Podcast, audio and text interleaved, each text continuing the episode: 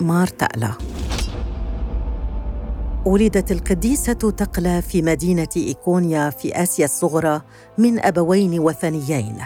وما إن بلغت الثامنة عشرة من العمر حتى خطبها ذووها إلى شاب اسمه تاميريس.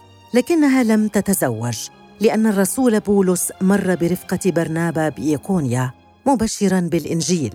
فاصطادها الرب الإله بكرازته. فآمنت بالمسيح يسوع مخلصا ونذرت له عذريتها.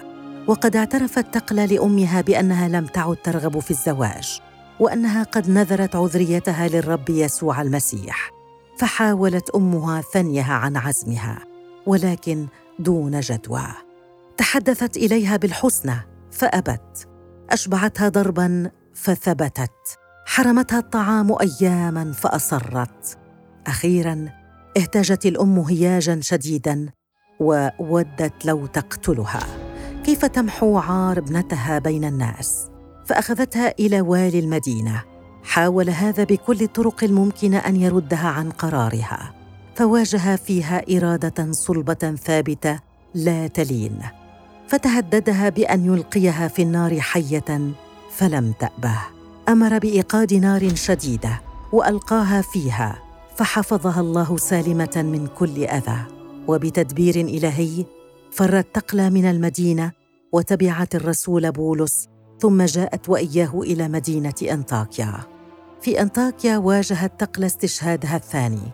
فلقد وقع عليها نظر واحد من علية القوم في المدينة فحاول خطفها وإذلالها. فقاومته بضراوة وأخزته.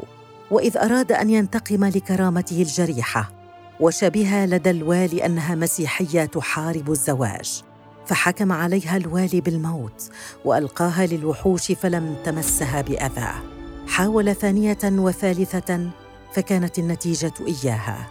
إذ ذاك تعجب الوالي جدا من القوة السحرية الفاعلة فيها. فسألها من أنت؟ وما هي هذه القوة الفاعلة فيك؟ فأجابت تقلة أنا أمة الإله الحي. فأطلق الوالي سراحها. بعد هذا الاستشهاد الثاني انسحبت ببركة الرسول بولس وفق التقليد المحلي إلى سلفكية الشام أي معلولة حيث أقامت ناسكة في مغارة في مريم ليك إلى سن التسعين. أعطاها الرب الإله موهبة شفاء المرضى فتدفق عليها الناس كثيرون اهتدوا إلى المسيح بواسطتها. لكن الأمر لم يرق للأطباء في سلفكية وقد بدأ مرضاهم يغادرونهم إليها وإذ ظن الأطباء أن سحر تقلى هو في عذريتها أرسلوا رجالا أشرارا يذلونها. هؤلاء طاردوها فهربت منهم فحاصروها فرفعت الصلاة إلى الرب الإله واستغاثت فانشقت إحدى الصخور ودخلت إليها. فكانت الصخرة مخبا لها ومدفنا ويظن أن رقاد تقلى كان حوال العام تسعين للميلاد وهي أولى الشهيدات المسيحيات. كثر هم الآباء الذين اعتبروا تقلى مثالا للعذارى والقديسات وقالوا فيها مدائح عديدة.